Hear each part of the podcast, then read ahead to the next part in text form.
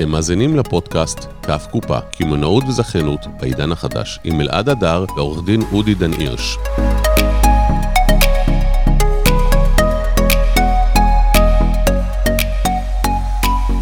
אנחנו הולכים לספר לכם על תוכנית חדשה לחלוטין, ונכון?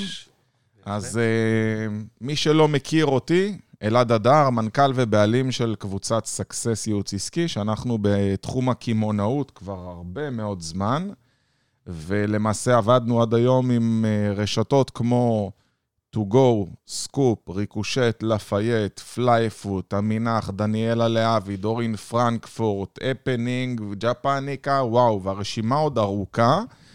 ולמעשה ראינו שיש צורך בכל נושא ענף הקמעונאות, המון המון חוסר הבנה לגבי איך להצליח בענף הזה, למה להיכנס, לאיזה תחומים להיכנס בכלל, אה, האם כדאי להיות רשת מזכה, זכיין מאסטר, לקנות זיכיון מחו"ל, לעשות משהו בעצמך בישראל, וכן הלאה וכן הלאה, ולכן צירפתי אליי לשידורים האלה את אה, עורך דין אודי דן היר, שעובד עם לא מעט, אני חושב שהוא אחד העורכי דין, אם לא העורך דין הכי עסוק בתחום הזה של הקמעונאות. אחד מעורכי ואחד מעורכי דין העסוקים ביותר, אודי תמיד מצטנע. כן, הכל בסדר. ואנחנו הולכים לשדר לכם באופן קבוע, כל יום אה, רביעי, שמונה בבוקר, עורך דין, תוכנית שנקראת קו קופה, ובעצם כל המטרה בתוכנית הזאת זה לעזור לכם לקבל ידע על קמעונאות ולעשות טוב יותר, זה כמובן פודקאסט וגם שידור לייב בפייסבוק, אז מי שבפייסבוק יכול ככה לשאול שאלות, ומי שבפודקאסט שיהנה בהליכה שלו, או באוטו, איפה שהוא לא נמצא כרגע. ואודי, בוא ספר לנו קצת על עצמך. כן, אז קודם כל, אכן זאת המטרה. אנחנו מנסים להביא כאן בשידור, אה, בתוכניות שלנו, ידע שהוא ידע ייחודי, פרקטי. קצת לקחת את מה שהוא אה, עולם שיש פה באמת הרבה מאוד מידע וידע, ולהנגיש אותו בצורה, בצורה מסודרת, בצורה מזוקקת, אה, בשביל שאתם, אה, מי שמתעסק בתחום הקמעונאות, יוכל לקחת אותו ולעשות בו שימוש אמיתי ולשפר את הביצועים שלו, לקבל החלטות יותר נכונות. ספר לנו יותר. קצת עם איזה רשתות אה, עבדת או אתה עובד, ככה שיהיו, ש... גם אם זה זכיינים וגם אם זה הרשת עצמה, אתה יודע, זה לא חייב להיות אה, כולם. כן, אז זה באמת כמה מילים אה, עליי. אני באמת עורך דין, מוביל משרד עורכי דין, אה, שהוא משרד מוביל בתחום הקמעונאות והזכיינות. מתעסקים גם בתחומים אחרים, בתחום המסחרי, מיזוגים ורכישות, סטארט-אפים. זאת אומרת, זה לא רק קמעונאות, אבל יש לא, לכם לא איזה. תחום התמחות כזה. יש לנו תחום התמחות מאוד גדול בעולם הקמעונאות והזכיינות, שאני באופן אישי מאוד מאוד אוהב אותו, כי הוא תחום... אה, אה, אני תמיד אומר, אתה עושה פעולה, אתה רואה את התוצאה מאוד מהר. להבדיל מסטארט-אפ, שאתה נכנס, אתה משקיע, מקים, ואתה רואה את התוצאות רק... אה, שנים. לא, שנים. כן, כן, הרבה פעמים שנים. שנים קדימה. המשרד שלנו מלווה היום בתחום הקמעונות וה- הקמעונות והזכיינות, אני מניח אה, בין אה, 60 ל-70 רשתות. זרוק לי איזה כמה שמות סתם ככה שידעו. רשתות כמו מקס סטוק, סקופ, אה, בית הפנקק אה, המקורי, נטורפיל, ורשתות אה, צ'ילבוקס. אז אני רוצה לנו- לשאול אותך ככה כמה שאלות. אתה יודע, אנחנו נמצאים בתקופה לא קלה. אה, אתה מרגיש שבתחום הזה עכשיו, אנחנו ככה, היום השידור הראשון שלנו, דרך אגב, אתם תוכלו לשאול אותנו שאלות. אה, אנחנו כתבנו לעצמנו גם נושאים שמאוד יעניינו, אנחנו חושבים, את המאזינים. אבל אנחנו היום בשיחה חופשית, אני מתקיל את אודי, אודי מתקיל אותי במה שאתם רוצים, ואתם מוזמנים להתקיל את שנינו בשידור. אז השאלות, לא תכננו אותן. אודי אמר לי, אתה בטוח? אמרתי לו, כן, אתה יודע, אנחנו נזרום. אז אה, נכון שאנחנו זורמים? אנחנו זורמים. יאללה, מעולה. עכשיו בענף הזכיינות, אתה מרגיש האטה או עלייה בגלל אה, הקורונה? אתה יודע, אנחנו עברנו שנה מאתגרת. כן. מה אתה מרגיש שקרה בענף בתקופה הזאת? כן, זה מצחיק. מצחיק להגיד, כי אני, אני חושב ש... אה, קודם כל נתחיל מהסוף, אני חושב שיש האצה היום. יש רצון מאוד מאוד מאוד גדול אל מול הקיפאון שהיה בהתחלה, בתקופה של החוסר ודאות. התחילה תקופת הקורונה, אנשים לא ידעו מה קורה, מן הסתם עצרו, חיכו לראות אה, לאן דברים מתפתחים, אנשים נבהלו מהמצב. אה, אני חושב שהיום אנחנו רואים, אנחנו במצב אחר לגמרי. אני חושב שאנשים היום, אחד, יש להם בוער בהם להתחיל. הם שילמו מחיר מאוד כבד על הקיפאון הזה. אתה מדבר על אה, שכירים, כאלה שיצאו, אה, פוטרו מעבודתם, או דווקא אתה מדבר על אנשים שכבר היו בתחום? אני חושב שבכלל יש, קודם כל, ש... אם לדבר על תזוזה, יש תזוזה מאוד מאוד גדולה. זה מורגש. אני כעורך דין מרגיש זאת אומרת, אתה אומר שאנשים לא קפאו, אלא להפך מחפשים את השינוי. היום אני מרגיש שאנשים מחפשים את השינוי, לא רק מחפשים את השינוי, כמה שזה מפתיע, אלא אנשים היום משקיעים הרבה מאוד כסף ביוזמות חדשות, דווקא בתקופה של חוסר ודאות. אני חושב שאנחנו נרחיב על זה, אבל אני חושב שבתקופה הזאת הם עשו איזושהי בקרת נזקים ראשונה, ניסו להבין מה קורה, מהמם. ומהר מאוד הבינו שבתוך התקופה הקשה הזאת יש הזדמנות. יש הזדמנות אמיתית למי שיודע לנצל. זה לא חדש, זה לא רק אני אומר את זה, זה לא רק אתה אומר את זה, כולם אומרים את זה. בכל משבר, מכל משבר צומחים, ואני חושב שהצד היזמי בנו כעם מניע אותנו קדימה. תגיד זה לי, למה, למה רוב ה... אני אומר רוב, כי באמת כשאני פוגש אה, הרבה מאוד אה, זכיינים של רשת, ברוב ה... בוא נגיד, 80% מהמקרים הם כועסים על הרשת המזכה. תראה, אני חושב, מה שאתה אומר הוא לא, הוא נכון. מה שאתה אומר הוא נכון. אה, לא נעים לשמוע, אתה יודע, אנחנו מייצגים גם זכיינים, גם אני וגם אתה, וגם את הרשתות. זאת אומרת, אני נמצא משני צידי המתרס. אני מכיר את המלחמה, אבל דווקא טוב לי להתקיל פעם מישהו אחר בשאלות האלה. אתה גם מוזמן כן, אז להתקיל אותי במה שתרצה, אבל אה, חושב שאני... מה דעתך בנושא הזה? אני חושב שמתוך הניסיון שלי אני אשתדל לתת זוויות שהן טיפה זוויות שונות של הסתכלות. אז אם נדבר רגע על אה, זכיינים, כשמגיעה לי רשת חדשה, אני תמיד אומר לרשת, לרשת שמצטרפת ואומרת, אני רוצה לפתוח, אה, אה, להגיע לפריסה ארצית, קחי בחשבון שעבודה עם זכיינים זה אתגר. יש לך פתאום עשרה שותפים מפוזרים בארץ, והתפקיד שלך לגרום להם להיות מרוצים. וזה אתגר נורא קשה. כי זכיין שחווה קושי, מבחינתו, כולם אשמים. הרשת לא נותנת לו מספיק. אני חושב שזה בכלל, אנחנו כבני אדם, כשלא הולך לנו, אנחנו מחפשים אשמים, במקום נכון. להסתכל על עצמנו.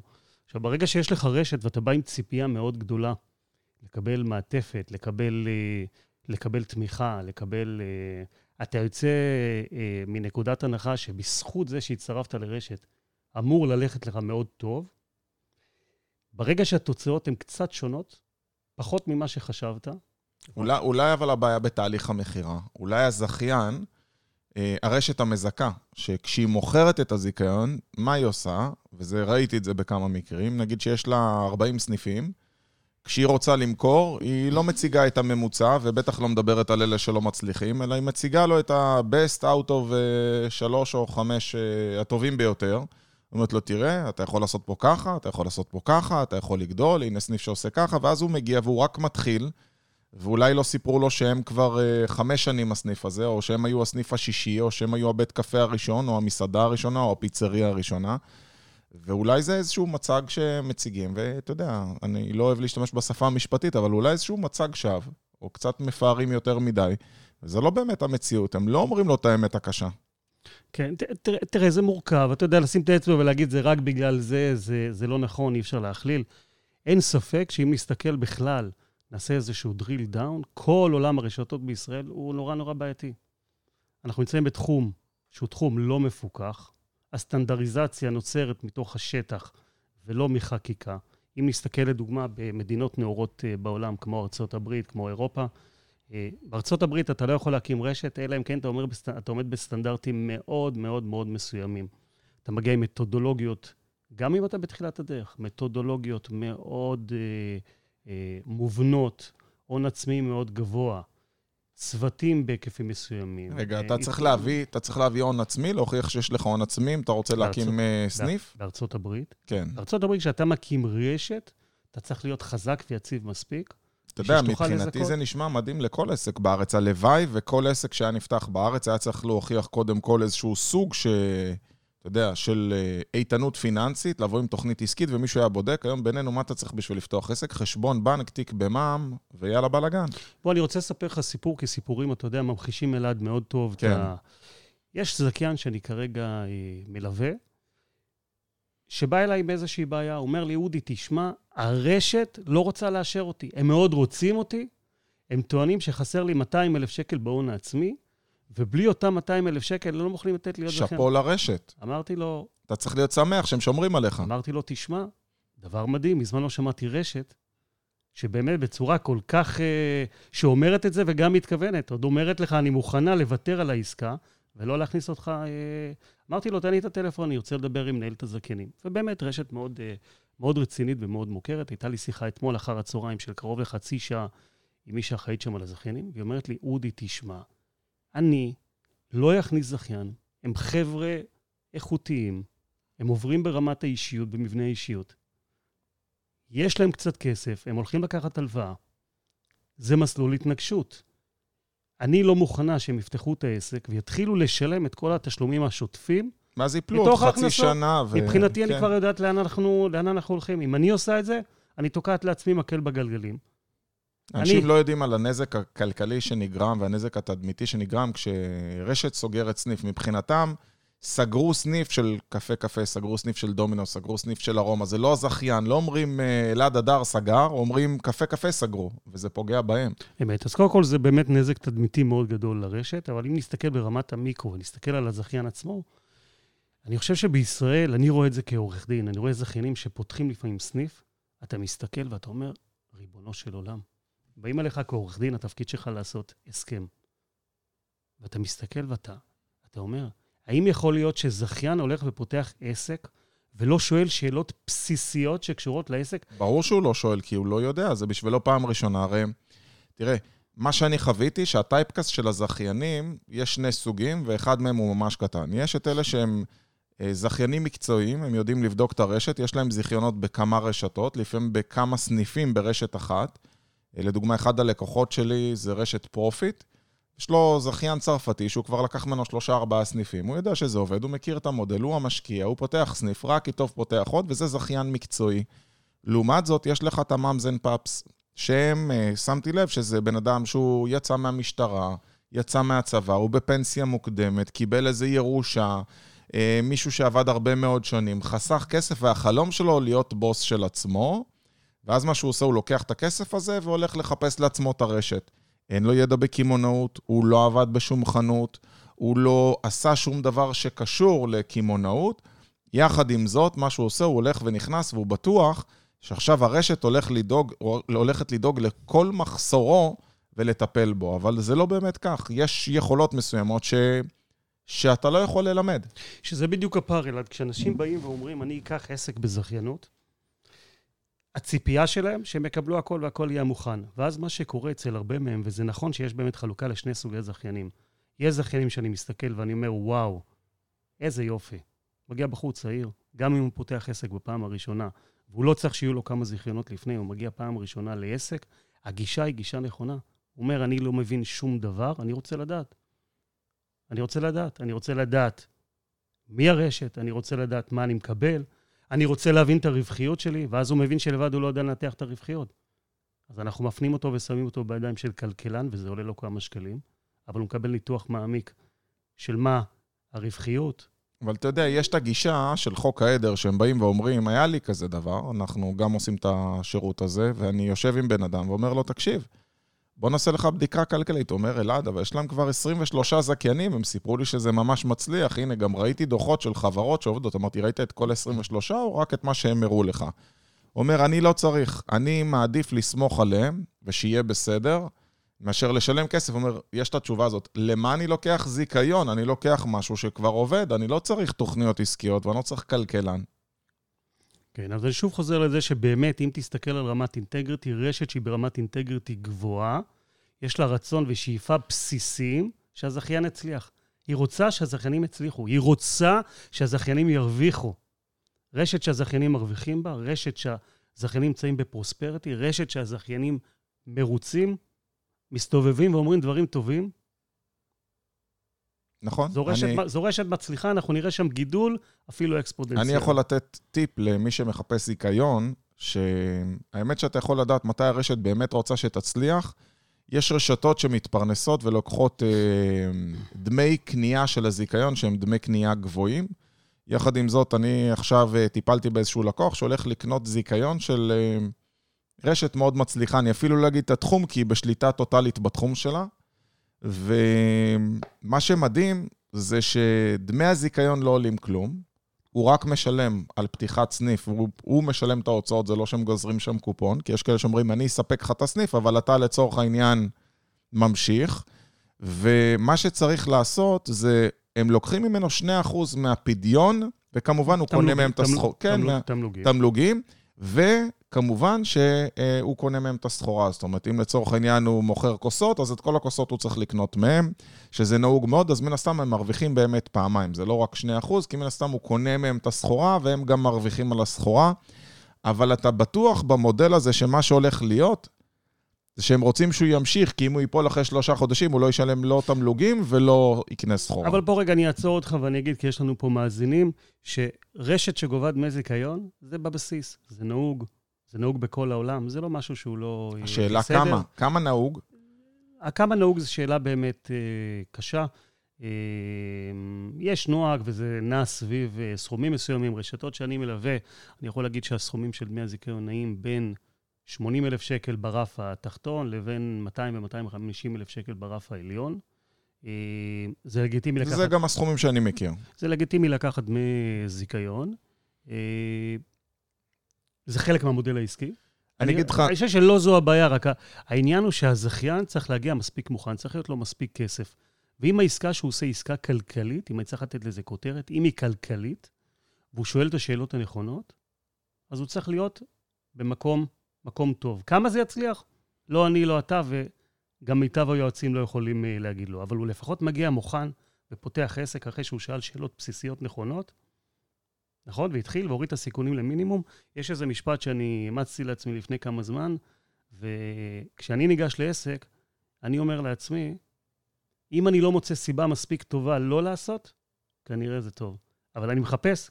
מעניין. זה אמיתי. אמר לי את זה פעם חבר שמתעסק בהשקעות בסטארט-אפים, שאלתי אותו, תגיד, איך אתה משקיע בסטארט-אפים? אז הוא אמר, אם אני מגיע לסטארט-אפ ואני לא מוצא סיבה טובה... למה לא לעשות? למה אז לא? אני עושה. אז כנראה שזה טוב. כי הם מבינים אז... יותר ממני בתחום הזה, אז מה עכשיו, אני יותר חכם מהם? אז עדיף לראות מה לא, אהבתי. וזה אומר שאם באתי בזכיינות, ופגשתי רשת, שמשהו לא מסתדר לי, לא מסתדר לי עם האנשים, שאלתי שאלות, קיבלתי תשובות שהן תשובות מתפתלות, דיברתי עם זכיינים, נעשה לדברים האלה, כמובן אנחנו ניכנס בהמשך הדרך, אבל אם אני אגע ככה בתמצית, דיברתי עם זכיינים וקיבלתי מחלקם פידבקים לא טובים, צריך גם להבין בין השורות, לא רק את מה שאומרים לי. אז אני רוצה לתת פה כמה טיפים בנושא הזה. אחד הדברים שאני ממליץ זה באמת ללכת לדבר עם זכיינים שהם לא אלה שהפנו אותך אליהם. זאת אומרת, ייתנו לך לדבר עם הממליצים, והאמת שכל רשת שיש לה עשרה סניפים, בטוח יש לה שלושה שמאוד מאוד מרוצים, ואתה מבקש שמות של שלושה, ייתנו לך את השלושה המרוצים. אותי מעניין, לא שהלא מרוצים הם המייצגים, בואו נהיה מסודרים. יש כאלה שזה בהחלט אשמתם שהם לא מרוצים והם עובדים לא טוב, ולא לכל אחד מגיע מפתח לעסק, בואו נהיה כנים. אבל מה שכן הייתי ממליץ זה לעשות כמה פעולות. אחת מהן זה ללכת בעצמך, לעצור את האוטו ולדבר עם זכיין. אני מכיר מישהו שהוא, כשהוא רצה לפתוח מכולת, הוא עשה סבב והלך ל-40 מכולות שונות והסתכל על ה-layout, על, ה- על הרצפה. איך זה פרוס, וקוראים לזה פלנוגרמה בשפה המקצועית, והוא פשוט הסתובב ב-40 מכולות כדי לבנות לעצמו את המכולת האולטימטיבית, וזה אחלה דרך לעשות. לך דבר עם כמה זכיינים מהתחום, תשאל מי הבעלים, תגיד לו, אני מתלבט, אתה בדימונה, אני בכלל מקצרין, ואני חושב לפתוח. אני לא מתחרה בך, אבל ספר לי, תגיד, איך הזכיין? הוא ייתן לך מידע שלא תמצא באף מקום אחר. חד משמעית. חד משמעית. כחלק מהבדיקות, ואני חושב שזה הבסיס של הבסיס, שיח עם זכיינים, בכלל, איסוף מידע זה דבר שנותן לנו המון. המון. אנחנו אוספים מידע, מקבלים תמונה הרבה יותר נכונה, הרבה יותר מציאותית ממה שהציגו לנו. כשאנחנו פוגשים רשת, לרשת יש אינטרס שאנחנו נצטרף כזכיינים. ברור. זה טוב. אינטרס שנמצא על השולחן. אגב, הוא בסדר גמור, רק צריך לזכור את זה. נכון. אני יכול לתת לך טיפ שגדי בן אוליאל מג'פניקה, שעבדנו ביחד, הוא נתן לי טיפ מקסים. הוא אמר לי, אתה יודע שכשאני רוצה לפתוח במרכז מסחרי מסוים, אה, ג'פניקה, או בכלל, כל עסק, הוא בדק להרבה מאוד uh, עסקים את ההיתכנות שלהם. הוא אומר, אתה יודע איך אני יודע מה באמת עסק עושה שם במקום? כמה הוא מצליח? אז אמרתי לו, לא, אין לי מושג. אומר לי, נגיד שאתה רוצה לפתוח פיצריה וליד זה יש אה, שווארמיה. הוא אומר, אני בא בבוקר וקונה בקבוק קולה בשווארמיה. אומר לו, ומזה איך אתה מבין מה עובד ומה לא? הוא אומר, אני אחרי זה בא בצהריים ורואה מה הממוצע שלו לעסקה. אני עומד, עומד שם בכוונה כאילו אני מחפש משהו, בסוף יוצא, ואני מסתכל, אני רואה שהממוצע 30, 35, 40, אני יודע שהממוצע הוא 35 שקלים. אומר לו, ו? הוא אומר, ואז אני בא לקראת סוף היום, אני רואה, שואל אותו מתי הם סוגרים, ואני קונה עוד בקבוק קולה. אומר לו, נו, ו? הוא אומר, ואז אני מסתכל על הפער בין החשבונית שאני קניתי לחשבונית האחרונה שקיבלתי ומכפיל ב-35 שקלים, ואז אני יודע מה הפחות או יותר היומית שלו. וככה אני יכול להעריך מה העסק שם יעשה. מדהים. ואתה יודע, הטיפים הקטנים והבסיסיים האלה שאתה אומר, תוכניות עסקיות ודוחות רואי חשבון, אפרופו, לא מזמן אה, טיפלתי בעסק, שאני לא אגיד את שמו. אה, הוא הגיע אלינו, ומסתבר שכמעט מחצית מהמחזור שלו, הוא עושה בכלל בשחור. בסדר? מגיעים כאלה, בוא, זה לא סוד, אנשים אה, עושים את הדברים האלה, זה לא תקין, זה לא טוב, וצריך לטפל בו. זה קרה לפני שעבדנו ביחד, אבל אם אתה לא תהיה בעסק ואתה תסתכל רק על הדוחות, אתה רואה רק חצי מהעסק. ותאמין לי, לפעמים הבדל של עוד 10, 20, 30 אחוזים זה הבדל גדול. דרך אגב, אחד הדברים שדופקים עסקים שעושים בשחור, זה אם תרצה אי פעם למכור או לקבל אשראי, אף אחד לא יאמין על הסכום החסר. אמת. אז uh, מאוד מאוד חשוב להכניס את הכל בפנים.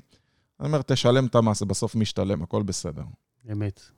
אז... אמת, אה, אמת, זה נכון. אני רוצה לגעת דווקא באיזושהי נקודה שאם אנחנו מדברים כבר על בחירת רשתות והזכיינים, תופעה שאני רואה לאחרונה, שאלת אותי על אנשים, על מוטיבציות או מה אני רואה, ואני באמת רואה היום שהרבה יותר, אה, יש באמת תזוזה לכיוון והמון זכיינויות. אני רואה את זה בכמות העסקאות ש, שנחתמות אצלנו במשרד ואצל הקולגות שלי.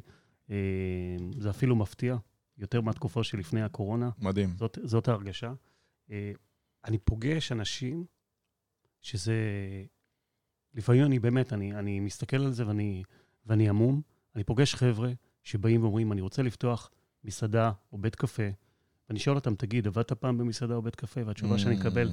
זה לא. עכשיו, עד כאן זה לא נורא, זה בסדר אם מישהו לא עבד בבית קפה והוא רוצה לפתוח בית קפה. אבל הוא מקבל החלטה ומשקיע סכומים משמעותיים, לפעמים מגיעים גם לשניים ושלושה מיליון שקל, אם אנחנו מדברים על, אה, על. עסק, על מסעדה שהיא מסעדה גדולה. ואז מה שקורה בהמשך הדרך, אני מוצא אנשים, לא תמיד, כן, אבל אני... אבל אם אני מדבר על זה, סימן שזה בהיקפים מספיק גדולים. אני פתאום מוצא בן אדם שאומר לי חצי שנה אחרי, תקשיב, זה לא בשבילי. אני לא בנוי לעבוד במסעדה. עכשיו, זה במקרה הטוב. אתה יודע, הוא לא, עוד- לא ברור להם השעות, לא ברור להם הימים, לא ברור להם המחויבות, ואל תשכח שיש כאלה שמעולם לא היה להם עסק. זאת אומרת, הם היו בצבא, או במשטרה, או במסגרת החינוך, ופתאום יצאו עם פנסיה, והרבה כאלה הולכים לפתוח עסק, והם לא רק שהם לא עבדו בתחום, אלא אף פעם לא היה להם עסק. הם לא יודעים מה זה שהאזעקה מצלצלת בעסק ואתה צריך לרוץ באמצע הלילה. את זה ש... לפני כמה ימים היה לי פה בבניין, אני מחזיק בניין, אה, ותחשוב שבשבע קומות אין אור, אבל יש חשמל. למי אתה חושב מתקשרים? ראשון. כן, לא שידעתי איפה, אבל אני צריך להתקשר, ואתה לא יכול לעשות כלום עד שאתה לא מדליק, יש לך דיירים. דייר אחרי דייר, כל מי שמגיע לבניין אומר, אין לי אור בחדר. כי קפץ הפחת של התאורה בכל הבניין. ולך תגלה באיזה מהארונות חשמל, יש פה שבע קומות, כולל שלוש קומות חניון, ויש ארון חשמל בכל קומה, ולך תדע שהפחת, בסוף גיליתי שהוא בקומה ראשונה, מפסק אחד בארון. ואנשים אין להם את הממשות, את ההבנה של מה זה בעצם, בעצם עסק, להחזיק עסק, מה זה הטלפונים, מה זה להיות זמין. זה, סליחה, אתה לא יכול לכבות את הטלפון, לא לענות. גם אם אתה לא יודע מי זה. אולי עכשיו צריכים אותך למשהו דחוף בעסק, לך תדע. נכון. אז uh, אני חושב שיש פה איזשהו פער שאנשים כן. יש אתה- כשל, יש כשל מאוד גדול. יש כשל מאוד גדול בעולם הזה, בכלל של עסקים, כי לא כולם פותחים רשתות, צריך... אה, בואו גם נשים את זה על השולחן, יש אנשים שפותחים עסקים שהם לא רשתות ומגיעים בדיוק לאותה תוצאה, יש כאלה שפותחים ומצליחים מאוד והכול בסדר, גם בעולם הזכיינות וגם בעולם שהוא לא הזכיינות, אבל יש איזושהי תופעה, איזשהו פער. בא בן אדם, רואה חלום, רואה רשת, אומר, נותנים לי הכל, זה כנראה קל, עולם המספרים הופך להיות משהו מאוד מאוד מאוד uh, טכני, לא צוללים פנימה למהות, ופותחים, וביום שאחרי אני קם בבוקר, צריך לעשות פעולה ולחזור עליה. ושנינו יודעים, ודיברנו על זה לפני שבועיים כשראיינת אותי, כשאני אוהב משהו, אני עושה אותו מצוין, נכון? הסינים אמרו. כן. יצא לך עבודה שאתה אוהב, לא צריך לעבוד יום אחד נוסף לגמרי. בחייך. אם אני הולך לפתוח מסעדה ואני לא יודע שאני אוהב מסעדה, אז לקחתי ריזיקה של שלושה מיליון שקל, פתחתי עסק רק בשביל ללמוד שזה לא בשבילי. לא... אז לך אז תעבוד שם. יכול... אז איך תעבוד אז במסעדה? לך תעבוד קצת ותראה, נכון? אז הוא, אז הוא רק דוגמה, נכון? רק דוגמה לאיך הייתי יכול להימנע. הייתי יכול, לפני שקיבלתי החלטה לפתוח, יכולתי לקבל החלטה לפתוח, אבל רגע לפני שהשקעתי את הכסף ופתחתי לעצמי, הלכתי במקום, ממקום אחראי. התחלתי לעבוד במסעדה, קמתי בבוקר, ראיתי אם זה עובד לי, ראיתי אם אני נהנה, ואם נהניתי אז אני יכול להמשיך הלאה לסטייג' הבא ולקחת את הסיכון. ולפחות את המצב הזה שבו אני קם בבוקר ולא אוהב את מה שאני עושה, הייתי מונע. על אותו אה, משקל, אפשר למנוע הרבה מאוד דברים, אני לא יודע אם אנחנו כאן ניכנס היום לכל ה... טוב, בשביל זה יש לנו את כל התוכניות של קו קופה, כן, צריך להשאיר קצת... שאנחנו אה, מדי שבוע נעשה תוכנית, כל יום רביעי בשמונה בבוקר. אנחנו מקווים מאוד שתרמנו לכם קצת, ואם אתם אה, באמת מתלבטים, אז כדאי לצפות בשידור הזה עוד פעם. אני חושב שעברנו פה על דברים מאוד חשובים. אה, ללכת לעבוד באותו תחום, ללכת לדבר עם זכיינים של אותה רשת או רשת דומה. אם אתם שוקלים ללכת להיות במרכז מסחרי מסוים, לכו תדברו עם שאר הסוחרים, לכו תתצפתו. אתה יודע, בן אדם מוכן להשקיע מיליונים אה, או מאות אלפי שקלים, ולא הולך ל- יומיים להסתכל במרכז המסחרי ולקנות את הקולה של הבוקר ואת הקולה של הערב, אה, בשביל לדעת כמה פדיון בן אדם עושה, זה מדהים. ומוכן להשקיע מיליונים ולא לוקח אה, יועץ או עורך דין שיבדוק לו את העסקה כמו שצריך לפני. וחד משמעית, תדעו שלקנות, אולי זה מבחינתי המשפט סיכום, אם תרצה להוסיף בשמחה, שלקנות זיכיון מרשת זו לא נוסחה בדוקה להצלחה, צריכים להיות שם עוד כמה פרמטרים. חד משמעית, ואם אני צריך בצד שלי לסכם, אלעד, אז אני, אני, אני הייתי אומר שאדם שפותח עסק בכלל, ודאי שהוא פותח רשת, וזה נראה יותר, יותר עטוף וארוז ומנגישים לי, צריך לעצור רגע לפני ולהחליט שהוא עושה בדיקות, בדיקות משמעותיות לפני שהוא עושה את הפעולה. זה אומר, מבחינתי, שהוא מדבר, כמו שאתה אומר, עם... אה, קודם כל, שהוא רואה שהרשת מתאימה לו, ומה שהיא עושה זה תחום שהוא מתחבר אליו, כי הוא צריך להתחבר אליו. הוא לוקח כלכלן ועושה ניתוח נתונים בשביל להבין את הרווחיות של הרשת ואת המספרים, כי יכול להיות שאין שם רווח. זה יכול במקסימום להשאיר לו משכורת, ואז השאלה אם שווה לו אז כל בשביל ההשקעה מה? שזה קח עולה. את הכסף הזה, תקנה כמה דירות, ויהיה לך את. השכירות, כן. נכון? יש עלות אלטרנטיבית לכסף שלי. אה, ואם כבר, כבר החלטתי להתקדם, אז בוודאי לדבר עם זכיינים, לשמוע מה הם אומרים, להבין גם בין השורות. כי אם אני הולך באיזושהי, אה, באיזושהי הנחה שיגידו לי דברים טובים, ואז אני עושה אידיאליזציה למה שאני שומע, אז אני לא שומע מה נמצא בין השורות. אני חושב שאמרת פה משהו חכם. האידיאליזציה הזאת שבן אדם רוצה לשכנע את עצמו שזה יצליח, זה מהרצון שלו להצליח, זה מהרצון לשכנע את הסובבים שזה יצליח, מהפנטזיה שיש לו, שאיך הוא הולך לספר לכולם שהיום יש לו עסק בשם מוכר, ושהוא לקח את הזיכיון, מזה שהוא יארח את האנשים במסעדה, או יספר למשפחתו, ואנחנו מוכרים לעצמנו שזה יעבוד, במקום לבדוק אם זה יעבוד. אמת, אמת, אמת, ואני יכול להגיד לכם שסיבוב של זכיין שלא הצליח בעסק, במינימום, מינימום, מינימום, 600, 700 מיליון שקל קל. מכיסו, ערבים, הורים ערבים, משפחה, כבר לא לדבר על כל uh, ההרגשה של הנפילה, על כל מה שנלווה. זה עשר שנים מהחיים שהולכים אחרי זה לסגירת כל הקצוות של מה שקרה, הורס את השם שלו בבנקים, הבנקים כבר לא רואים אותו בצורה טובה, מוחק חובות, uh, מקרים גרועים יותר, הולך לפשיטת uh, רגל. לא שזה נורא, אבל יש לזה השלכות רוחביות מאוד קשות, אנשים לא לוקחים אותם בחשבון. נורא קשה מהמקום הזה אחרי זה לקום, לשקם את השם שלי בבנקים. בקיצור, תיזהרו, תתייעצו. תיזהרו, תיזהרו, כן, תתייעצו. תבדקו. כן. תעשו את כן, זה במשורה, ובאמת, אם יש משהו שאנחנו יכולים לעזור, אנחנו תמיד פה בשבילכם. כל יום רביעי, שמונה בבוקר, אתם מוזמנים לשאול את השאלות, תעקבו אחרינו בספוטיפיי או בפייסבוק.